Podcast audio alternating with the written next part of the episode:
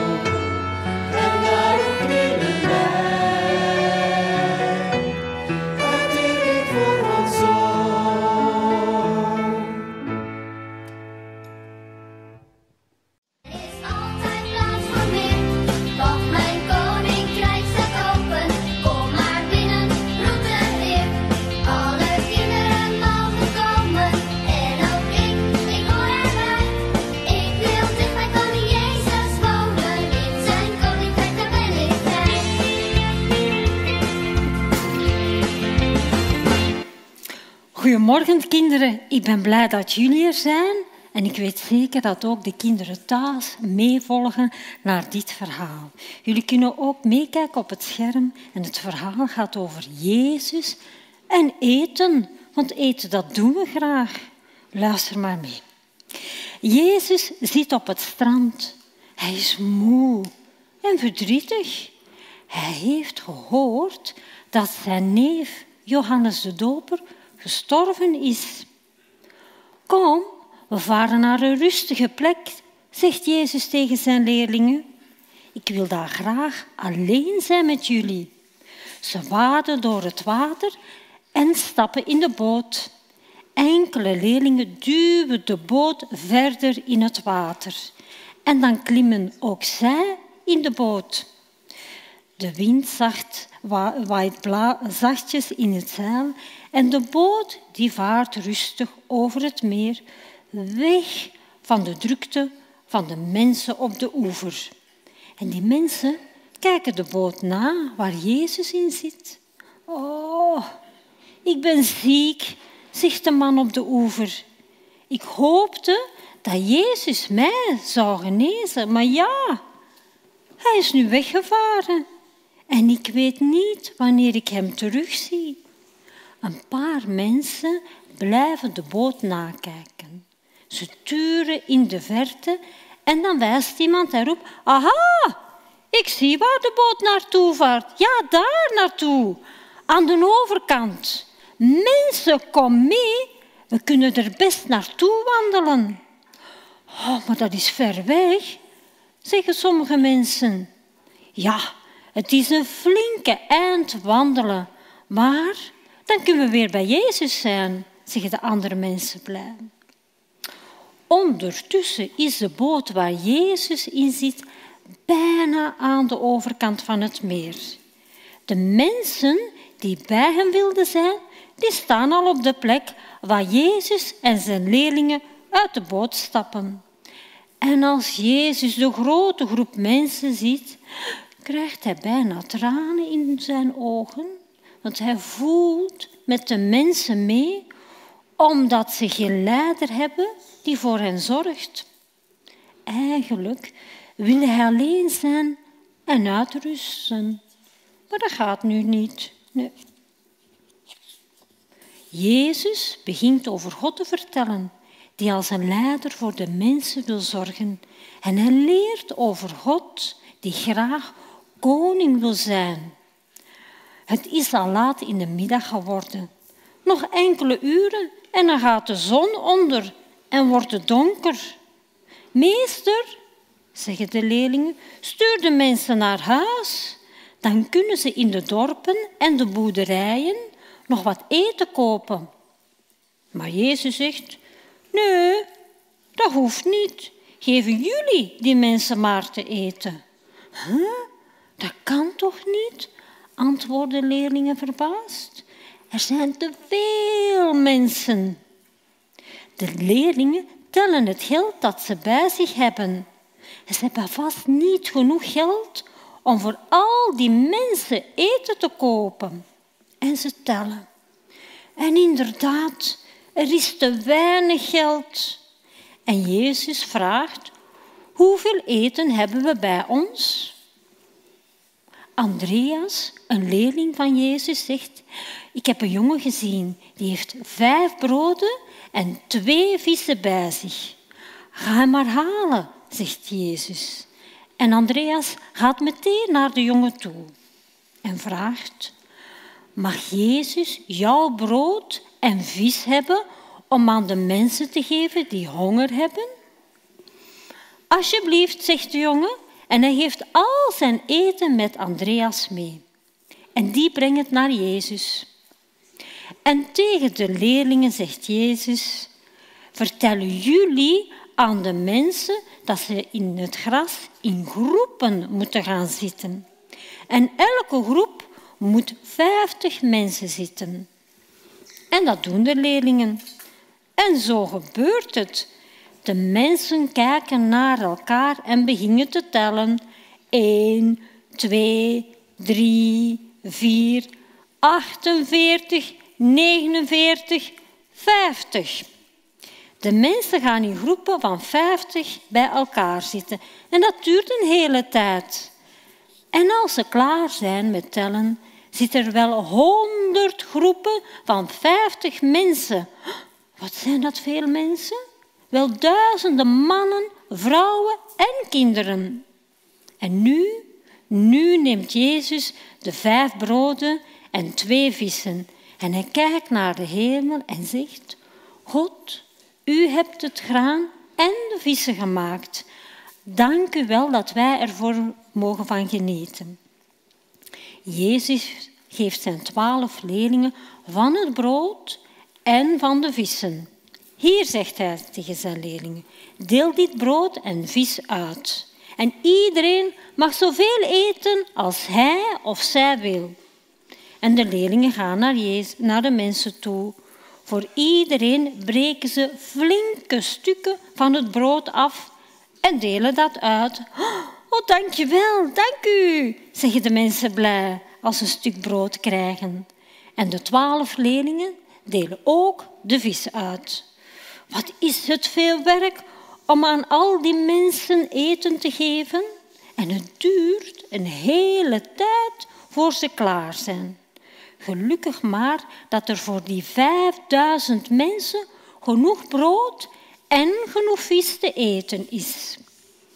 En als iedereen klaar is met eten, heeft niemand nog honger. Er was genoeg te eten. Na de maaltijd zegt Jezus tegen zijn leerlingen, ga met de mand langs de groepen van vijftig en haal het brood op dat over is. Is er nog brood over? Ja, jazeker. Ze verzamelen alle stukken brood en doen die in de manden. En dan, dan zijn er nog twaalf volle manden met stukken brood over. Zoiets hebben de leerlingen nog nooit gezien. En ze brengen de manden naar Jezus toe. En nadat alle mensen hebben gegeten, stuurt Jezus iedereen naar huis. Wat zijn de leerlingen blij dat Jezus die 5000 mensen niet met honger naar huis heeft laten vertrekken. Gaan jullie alvast met de boot naar de overkant, naar Bethsaida, zegt Jezus tegen zijn leerlingen. Je komt straks wel. En de leerlingen doen wat Jezus zegt en vertrekken naar de overkant. En dan gaat Jezus de berg op om er rustig tot God te bidden. Misschien heeft Jezus toen wel het gebed gebeden dat hij aan zijn leerlingen had geleerd. Weet jullie nog uit het verhaal van vorige Sabbat? Wel, om jullie te doen aan herinneren, zal Kobe het voor jullie zingen. Luister maar mee.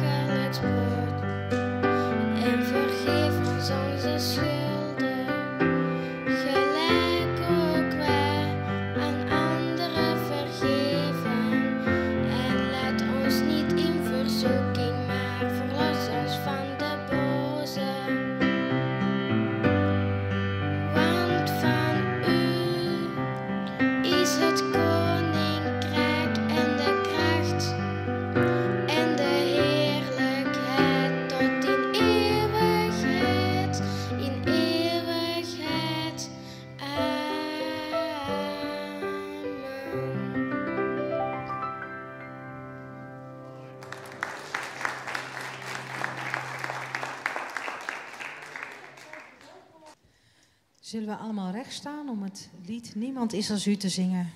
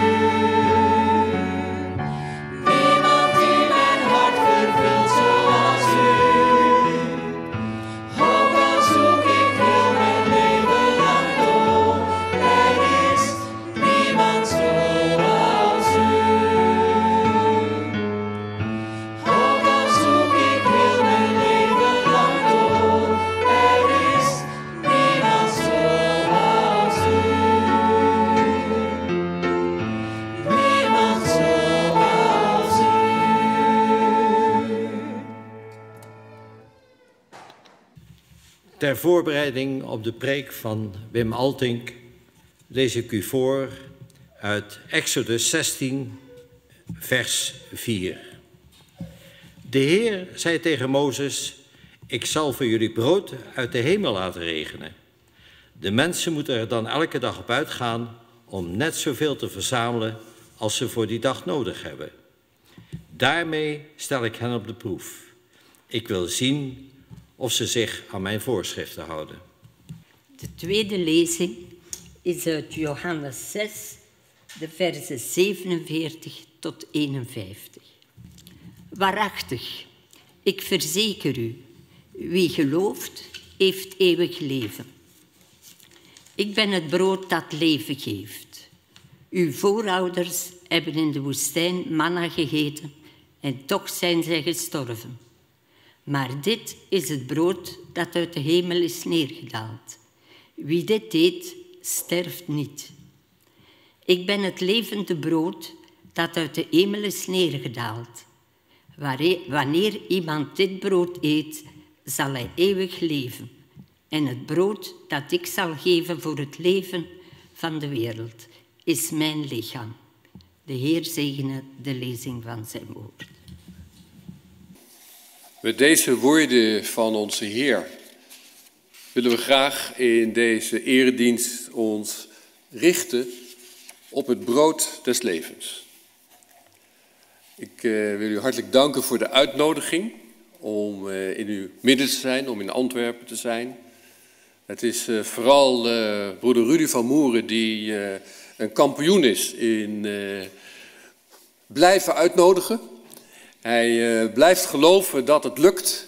En ik ben wat traag en ik reageer niet zo snel, maar ik ben blij dat hij blijft proberen. En ik ben ook heel erg blij om vanmorgen uw predikant Johan de Lamejeure te ontmoeten. We zijn studiegenoten in 1978, was het volgens mij. Kwamen elkaar tegen op Oud-Zandbergen. En Johan had zijn gitaar bij zich. En uh, hij vroeg me ook wel eens om dat ik achter de piano ging zitten, maar dat moet u nu niet vragen, want uh, dat is een tijd geleden eigenlijk voor mij. Maar het leuke is dat in de gemeente Leiden, waar ik eh, naar de kerk toe ga, dat iemand na de dienst mij vroeg, kun je Johan de Lamajeur uitnodigen? Dat komt natuurlijk door de prachtige videoverbinding. En vraag hem ook of hij dan zijn gitaar meeneemt. En zo geschieden, want ook Johan is bereid om de grens over te gaan. Het zal voor hem iets meer reistijd kosten, maar we zijn heel blij dat hij in het voorjaar, in april hebben we een datum kunnen afspreken dat hij naar de gemeente Leiden komt. Dus we zien er naar uit. En wat ik me ook kan herinneren van die tijd op Oud-Zandbergen, dat het altijd leuk discussiëren was met Johan. En Johan had een lievelingsboek, ik weet niet of dat nog zo is, uit de Bijbel, dat was het boek Prediker. Als hij iets wilde uitleggen, dan kwam vaak het boek Prediker aan de orde.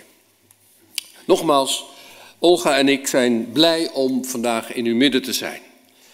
En ik wil u even meenemen naar een stukje aan de overkant van de grens in mijn uh, Nieuwe woonplaats Katwijk aan Zee. Uh, woon daar bijna een jaar. En uh, vorig najaar was het nogal uh, gespannen, was het, kwamen er nog wel eens wat problemen op straat met jongeren die de regels van de corona beu waren. Ik weet niet of dat misschien ook hier is geweest. En er waren pittige confrontaties met de politie. En het was op een zaterdagavond dat ik met de hond over de boulevard liep en ik zag een hele grote groep, ik denk 40, 50 jongeren staan. Ze waren met elkaar aan het praten, maar het was ook dat ze in een cirkel rondom de agent, politieagent, die daar in het midden van de groep stond. En ik werd, mijn aandacht werd getrokken door eigenlijk een stuk rust wat uit deze man sprak. Want vaak is het zo dat woon aan de boulevard. Als er iets aan de gang is, eh, er is natuurlijk brand of eh, ambulance moet komen, dan gaat de sirene. Maar nu was de politieauto zonder sirene geparkeerd. Eh, had alleen de knipperlichten aan. En die agent die had niet een verhaal om te vertellen dat ze naar hem zouden moeten luisteren. Maar hij luisterde. Hij stond gewoon rustig te luisteren naar datgene wat de jongeren tegen hem hadden te zeggen. En ik hoorde een meisje zeggen, een jongere, ik heb helemaal geen last van corona. Ze wilde dit kwijt. Ze wilde het kwijt dat ze het onrechtvaardig vond dat ze allerlei regels kreeg opgelegd, terwijl het volgens haar niet voor haar zou gelden. En nogmaals, er sprak rust en ruimte uit van deze agent. Geen agressiviteit geen paniek. En ik vond dat een mooi voorbeeld. Ik kon daar een voorbeeld aan nemen, want vaak, ook als er in de kerk iets aan de gang is, als er meningen, mening, verschil van mening, en er komen misschien kampen in de gemeente, kan er misschien ook paniek ontstaan. Maar niet bij deze man. Hij had blijkbaar ook zichtbaar plezier in zijn werk om gewoon aanwezig te zijn. Hij straalde iets uit van wijsheid, maar ook van moed en van vertrouwen. En waar is dat te krijgen? Waar kunnen wij moed, wijsheid en vertrouwen vinden? En ik wil u graag meenemen naar een bekend gebed. Het is net al prachtig door Kobe gezongen. Ik uh, was erdoor geraakt om een jongen dit prachtige mooie gebed van Jezus te horen zingen. En ik wil u graag meenemen naar een gedeelte wat heel bekend is uit dit gebed. Waar Jezus bidt, geef ons heden ons dagelijks brood. Ik was laatst op ons bekende plek in Nederland, maar ik denk ook wel voor, voor Vlaanderen, rusthuis, eh, verzorgingshuis Vredenoord.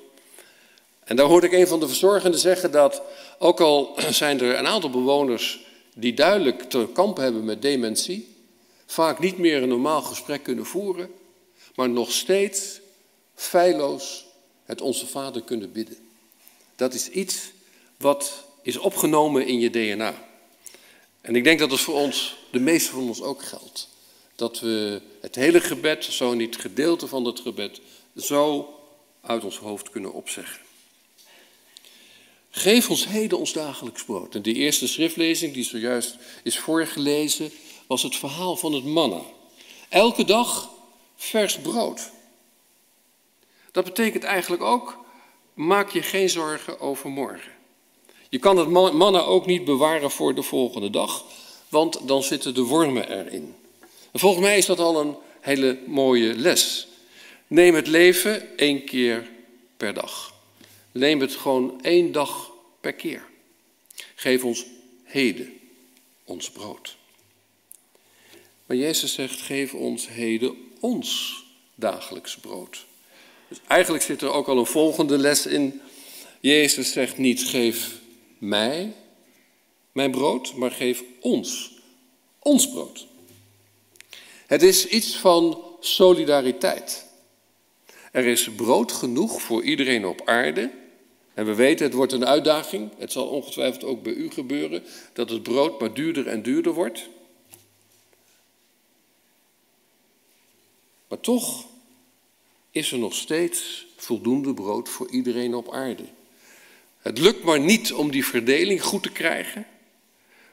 Maar ik hoop dat als u verzadigd bent van het dagelijks brood, dat u iets kunt delen met anderen.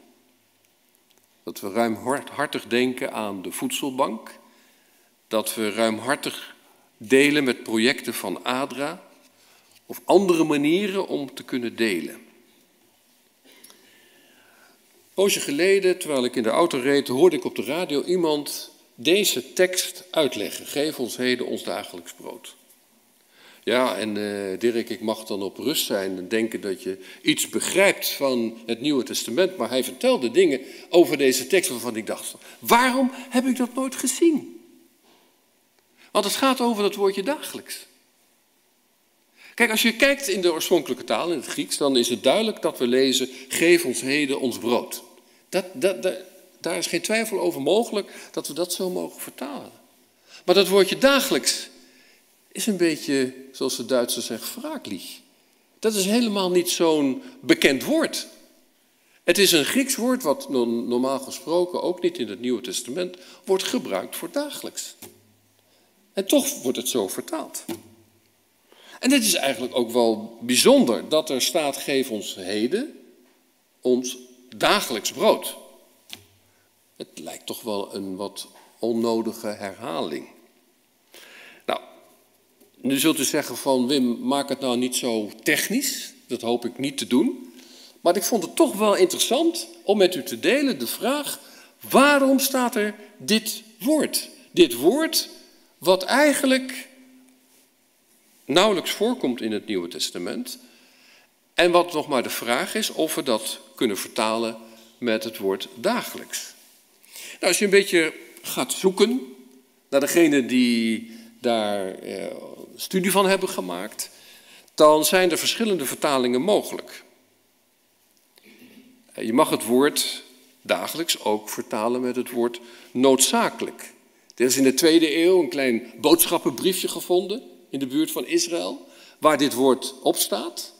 En er staan nog meer dingen op die waarschijnlijk iemand wilde kopen in de winkel. Men gaat ervan uit dat het een boodschappenbriefje is geweest. En daar staat dat woord ook op. Dus het zal wel iets zijn van wat je nodig hebt om te bestaan. Noodzakelijk. Je kan het vertalen met voor vandaag. Je mag het vertalen voor de komende dag. Je mag het zelfs ook geestelijk vertalen als de dag van het hiernamaals, als Jezus terugkomt op de wolken van de hemel. Het kan allemaal vanuit dat ene woord. Het is een woord wat vele kanten opgaat. Dat vind ik ook al mooi als je hier de grens overgaat. Je zult in Nederland nooit iemand horen zeggen: Wilt u recht gaan staan? Het is voor jullie heel normaal. Maar dat is het mooie van taal. Het is dezelfde taal, Nederlandse taal. En we moeten ook als Nederlanders u meerder erkennen als er een taalwedstrijd is, dan winnen meestal de Vlamingen. Jullie zijn vaak beter gaan jullie om met de Nederlandse taal dan wij in, in Holland. Zo is woorden, woorden hebben een schakering van betekenissen. Het is niet in beton gegoten. En dan is er ook nog een betekenis van dat woord, wat betekent iets wat essentieel is, maar het is super essentieel. Het is heel erg belangrijk. Dus geef ons dat brood wat heel erg belangrijk is. En ik zou u een vraag willen stellen. Natuurlijk heeft Jezus het in de eerste plaats over het brood wat we bij de bakker krijgen, kopen. En misschien, mevrouw en ik zeiden ook van nou, we hebben een broodbakmachine, misschien is het weer weer tijd om zelf brood te bakken. Maar hoe dan ook, ik denk dat Jezus bidt om het dagelijks brood, om het dagelijks eten. Maar de vraag is, zou het ook nog een andere, misschien een diepere betekenis kunnen hebben? Als dat het super essentiële brood is, als we dat zo mogen vertalen. Wat we dagelijks zouden willen ontvangen. Dan denk ik aan de tweede schriftlezing, die is voorgelezen uit Johannes 6. Waar Jezus zegt, ik ben het brood des levens. Als je in mij gelooft, dan is er een dimensie verder dan de horizon van je aardse leven. Maar dan is er een dimensie van leven in de eeuwige nu, voor altijd. Hij is het nieuwe manna. Hij wil zelf het dagelijks brood zijn. En eigenlijk is dat helemaal niet zo'n vreemde vraag of een antwoord als we die daarop geven van dat dat zou kunnen. Is dat inderdaad niet zo vreemd? Want het onze Vader, nogmaals, ik neem het mee in mijn hart zoals Kobe dat vanmorgen heeft gezongen. Eigenlijk is het, het, het gebed wat Jezus ons leert een soort, nou vergeef mij het woord, het, het is niet helemaal een goed woord, maar ik zou het willen noemen als een soort manifest. Want het is niet een gebed wat gaat over allerlei praktische zaken. Het brood is eigenlijk hetgeen wat er uitsteekt als iets wat heel duidelijk tastbaar is, concreet. Maar voor de rest gaat het over het manifest van het koninkrijk van God. Dat we in staat zijn om elkaar te vergeven. Om van daaruit ook de vergeving en de verzoening van onze Hemelse Vader te ontvangen. Dat we in staat zijn om de naam van God te heiligen. Dat we het koninkrijk laten komen. Hoe kunnen wij het koninkrijk van God laten komen? Door gerechtigheid, door recht en gerechtigheid na te streven. Het is om het koninkrijk van God handen en voeten te geven. Dat is eigenlijk wat het onze Vader ons wil meegeven. En natuurlijk, als Jezus dit gebed met zijn discipelen bidt, wil hij niet in de eerste plaats de aandacht op zichzelf richten. De aandacht is gericht op God, onze hemelse Vader, zijn Vader en onze Vader. Maar het lijkt erop dat hij in dat geschenk wat hij geeft aan ons als zijn discipelen, dat er ook iets in verpakt zit wat te maken heeft met hemzelf. Dat hij dat super-essentiële brood is waar we dagelijks om mogen vragen. Het is heel interessant als je het Onze Vader erbij neemt, dat je het zou mogen indelen in drie gedeelten. Als je als het ware kunt vergelijken met een kunstwerk, dan heb je de introductie, Onze Vader die in de hemel zijt. En dan komt er een blokje, wat ik even aan deze kant wil neerzetten, als het mag, bestaande uit drie gedeelten. Uw naam worden geheiligd, uw koninkrijk komen, u wil geschieden zoals in de hemel als ook op de aarde. Dan hebben we een middengedeelte, bestaat ook uit drie blokjes. Geef ons heden ons dagelijks brood. Vergeef ons onze schuld, zoals wij vergeven onze schuldenaren. En dan hier een derde blok, ook weer uit drie stappen. Leid ons niet in verzoeking, verlos ons van het kwaad, want van u is het koninkrijk en de kracht en de heerlijkheid. Slot, amen. Als je die drie gedeelten zo bekijkt, dan heb je in het midden dat stukje wat uit drie frasen, drie regels bestaan. Geef ons heden ons dagelijks brood. Vergeef ons onze schuld zoals wij vergeven onze schuldenaren. Zou het niet zo kunnen zijn dat dat dagelijks brood ook te maken heeft met de vergeving van schuld en het elkaar schuld willen bekennen en schuld willen vergeven? Het is niet zozeer dat wij continu moeten nadenken van als we naar de kerk gaan, oh ja, die wil ik nog vergeven of die wil ik vergeving vragen. In het Engels is daar een heel mooi woord voor, dat is het woord fellowship. En het is fijn dat de stoelen allemaal deze kant op staan, zodat ik u goed kan zien. Maar eigenlijk is de gemeente bedoeld dat de stoelen worden gedraaid en dat we naar elkaar kijken. Het grootste geschenk van de gemeente is dat we bij elkaar horen. En ik geloof ook dat dat de bedoeling is geweest als Jezus het verhaal, het wonder doet van de wonderbare spijziging, het brood geven, is vooral het geven van zichzelf, het geven van elkaar. Op het moment dat je het deelt met iemand anders, is het vooral het delen van jezelf. Kameraadschap, nabijheid, vriendschap, echtheid. Want een Joodse maaltijd ging in de eerste plaats om het samen zijn. Een paar keer een bezoek mogen brengen aan een aantal plekken in Afrika en wat me steeds weer heeft geraakt, is de enorme gasvrijheid. Het bekende verhaal, maar dat is gewoon zo. Er is amper genoeg eten voor het gezin zelf, maar jij als gast krijgt het beste van die dag. En dat zit eigenlijk ook in die vraag aan onze Vader. Geef ons dat brood, wat zo essentieel is. En dan gaat het vooral om dat Jezus te bespeuren valt in de manier waarop we met elkaar omgaan. Dat we, je kan ook met een kwinkslag, je kan ook met humor iemand vergeven. En als we iets nodig hebben in deze tijd, waar de ene crisis over de andere heen komt, dan is dat humor. En het gevoel dat de gemeente, dat het samen zijn ertoe doet. Jezus als het levende brood wil u en mij leren om samen op te trekken. Oké, terug even naar dat woordje, wat vertaald is als dagelijks. Er is nog een laatste betekenis die we eraan toe kunnen voegen. Dat als je kijkt in de vertaling van de Bijbel, Nieuw Testament in het Hebreeuws, dan staat een woord wat te maken heeft met het is eigenlijk wettig. God is ertoe verplicht om de mensheid te voorzien van brood. Nou, als je al die betekenissen die we hebben gezien, het is noodzakelijk, het is voor deze dag, het is voor morgen, het is super essentieel, het is iets wat God verplicht is te geven aan de mensheid. Hoe kunnen we dat dan anders vertalen? Nou, het interessante is, als we kijken naar het Nederlands-Vlaams, laat ik even rusten, Nederlands-Vlaams Bijbelgenootschap, in de laatste vertalingen, niet alleen van vorig jaar, maar ook daarvoor, staat er iets heel interessants. Daar staat niet Geef ons heden ons dagelijks brood.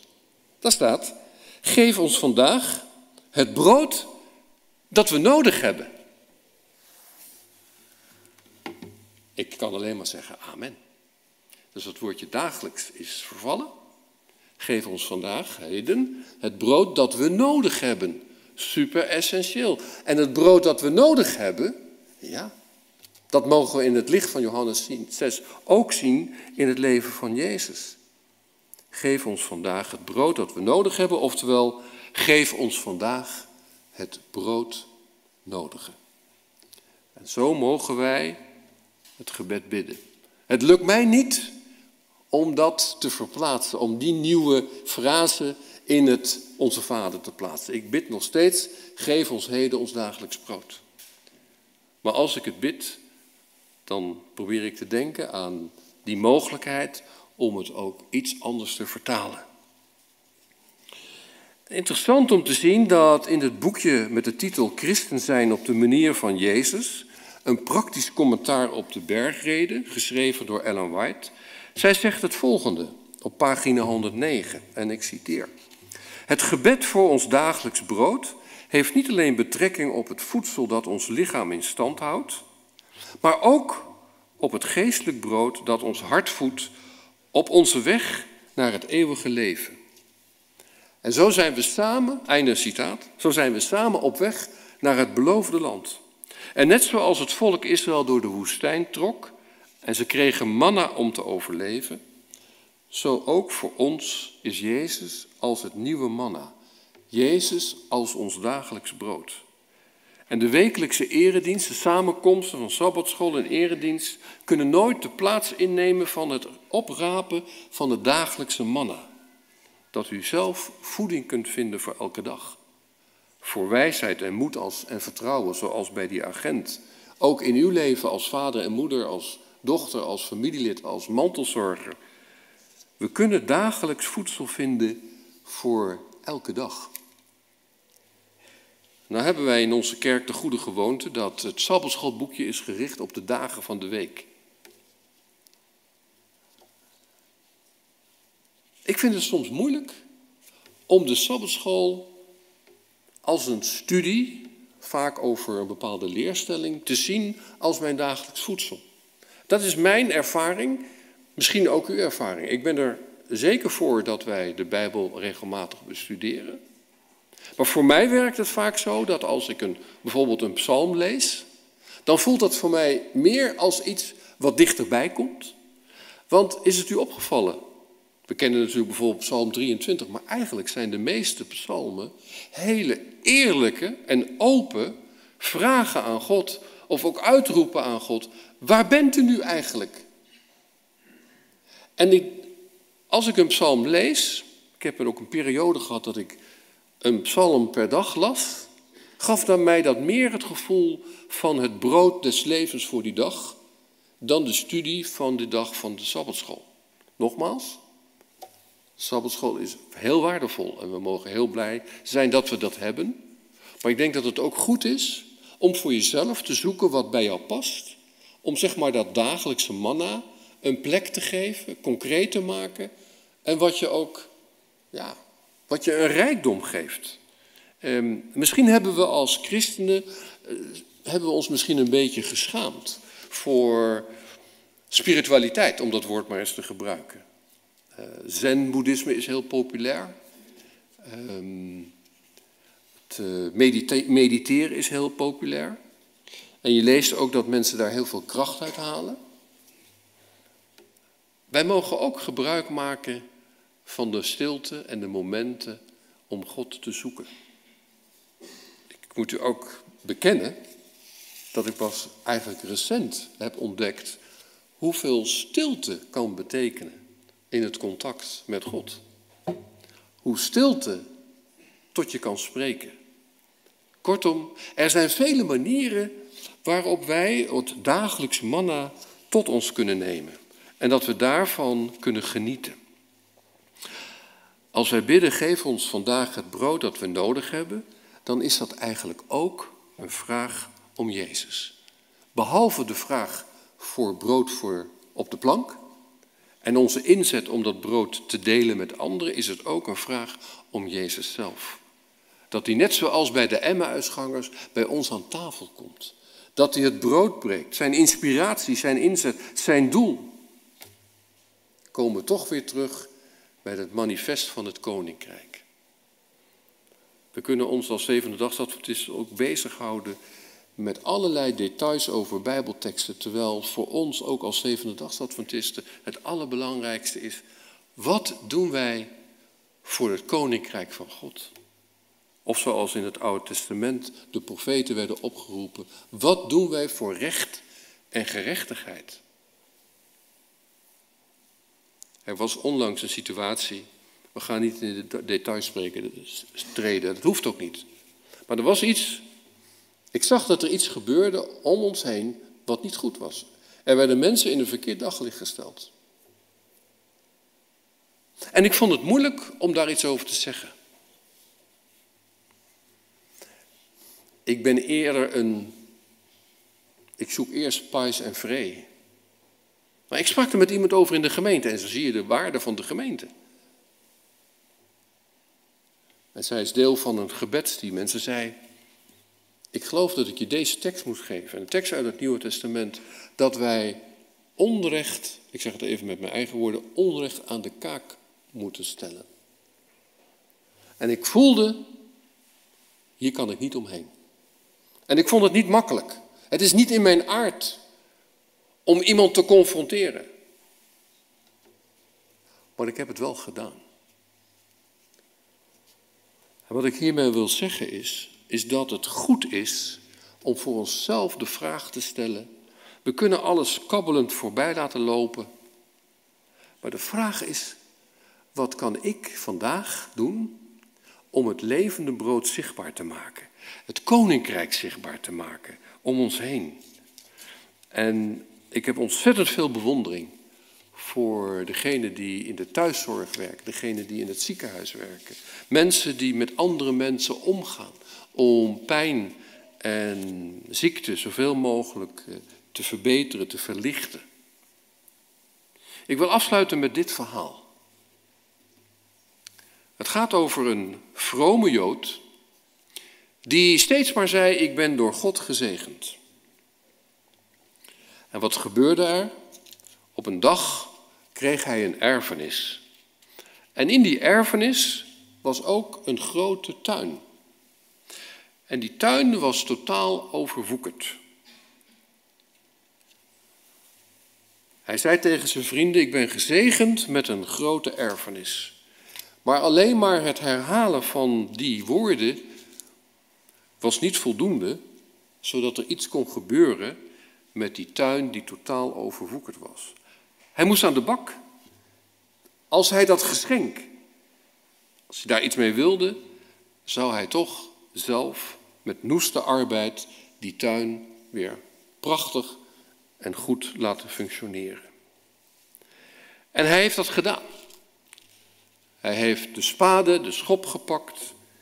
Hij is water gaan geven aan de nieuwe plantjes die hij had geplant. Kortom, hij heeft zich ingezet om ervoor te zorgen dat die oude, overwoekerde tuin weer een vruchtbare plek werd.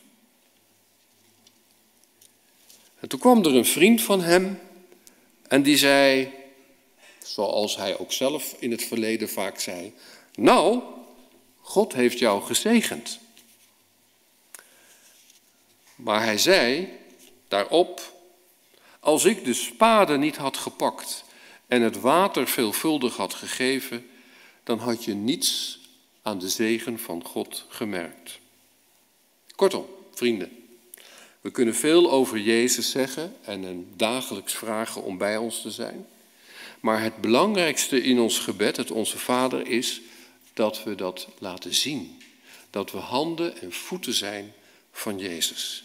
Dat we de moeite nemen om ons brood te delen met anderen. En dat we de moeite doen om te proberen te leven zoals Jezus deed. En dat is vallen en opstaan. Veel vallen, maar op, steeds weer opstaan. En daar is ook de gemeente zo belangrijk, broeders en zusters. Als ik val, dat u mij niet veroordeelt. Dat we elkaar niet de vinger wijzen, maar dat we elkaar kunnen bemoedigen. Dat is iets waar je kracht uit haalt. Dat is brood waar je iets aan hebt. Dat is ook het dagelijks brood wat we nodig hebben. Een stuk ondersteuning, een stuk bemoediging. Ja, ik gaf net al het voorbeeld, er zullen momenten zijn dat we de waarheid moeten spreken, maar laten we dat altijd doen vanuit liefde, vanuit betrokkenheid. Dat we meer met elkaar eh, gaan praten, face-to-face, en niet op Facebook of Instagram. Want daar wordt heel veel schade aangericht. Misschien is het goed om weer te leren om elkaar te ontmoeten. En we gaan van de ene crisis, van de coronacrisis, naar een uh, crisis wat te maken heeft met gebrek aan warmte, energie, noem maar op. Maar de warmte die wij kunnen geven aan een ander is het uitnodigen bij ons thuis, de ontmoeting van twee of drie mensen, waar dan ook. Gezelligheid, gewoon puur bij elkaar aanwezig zijn, is zo belangrijk. En als we dat doen, zijn wij de levende uitvoering van het gebed des Heren. Dan zijn wij de levende tekenen van zijn koninkrijk. En ik denk dat we dan mogen zeggen dat de belofte van Matthäus 28, vers 20 waar wordt, waar Jezus zegt, ik ben bij jullie, alle dagen, tot aan de voltooiing van deze wereld. Amen. We gaan zingen, voor altijd mijn vriend. Uh, het is een hele mooie tekst, want we zijn altijd in Gods liefde geborgen. Hij blijft ons trouw. En ik wil u wijzen op de tekst, en, uh, want het is eigenlijk een hele mooie tekst die we met elkaar gaan zingen.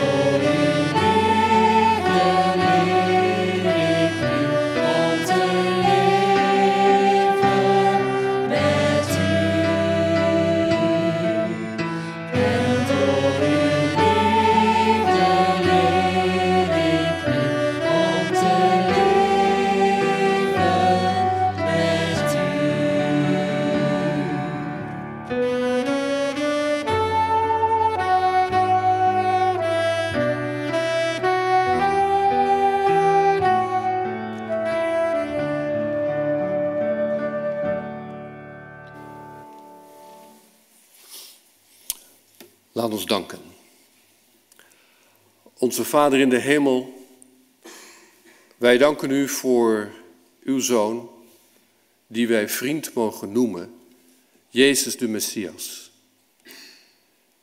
Die onder de mensen is gekomen, die onder de mensen wil blijven door uw geest.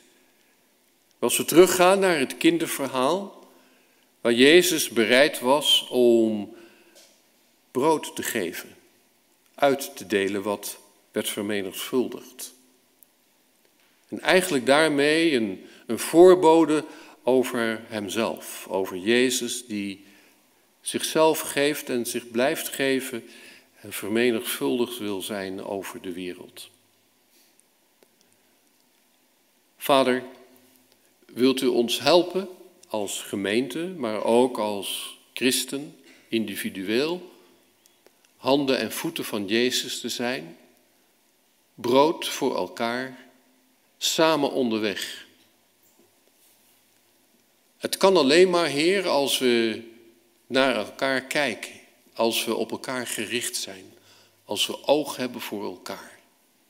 Vanuit de dragende liefde van U als onze Vader.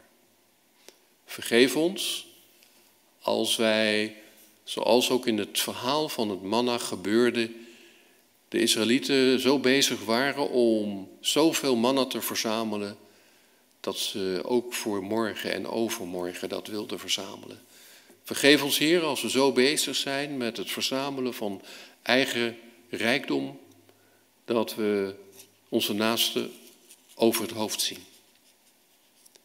Vergeef ons als ons christen zijn, het adventist zijn, is misschien verworden tot een droge leerstelling. Terwijl het u en uw zoon gaat om de bouw van uw koninkrijk. Help ons om als inwoners, als deelnemers van dit koninkrijk, uw koninkrijk uit te dragen. En het is onze wens dat we uw naam zullen heiligen dat we mee mogen werken aan de komst van uw koninkrijk. En dat uw wil geschieden, zowel in de hemel als op de aarde. En geef ons dan elke dag het brood nodige, dat we elkaar kunnen vergeven. En dat wij openstaan voor de kracht die u wil geven om de boze te weerstaan. Heer, dank u wel voor deze vrijplaats. Dank u wel voor de gemeente Antwerpen die niet alleen een zegen is voor haar eigen gemeente, maar voor velen in het Nederlands taalgebied om elke keer weer de dienst te kunnen volgen via de livestream. Zegen ons allen straks als wij van deze plaats gaan en zoveel anderen ontmoeten waarvoor wij graag een licht willen zijn. Zo, Heer, wil ik u vragen, wilt u ons blijven dragen en wilt u uw hand op ons leggen? Dat de genade van onze Heer Jezus Christus en de liefde van God de Vader en de eenheid met de Heilige Geest met ons blijven. Amen.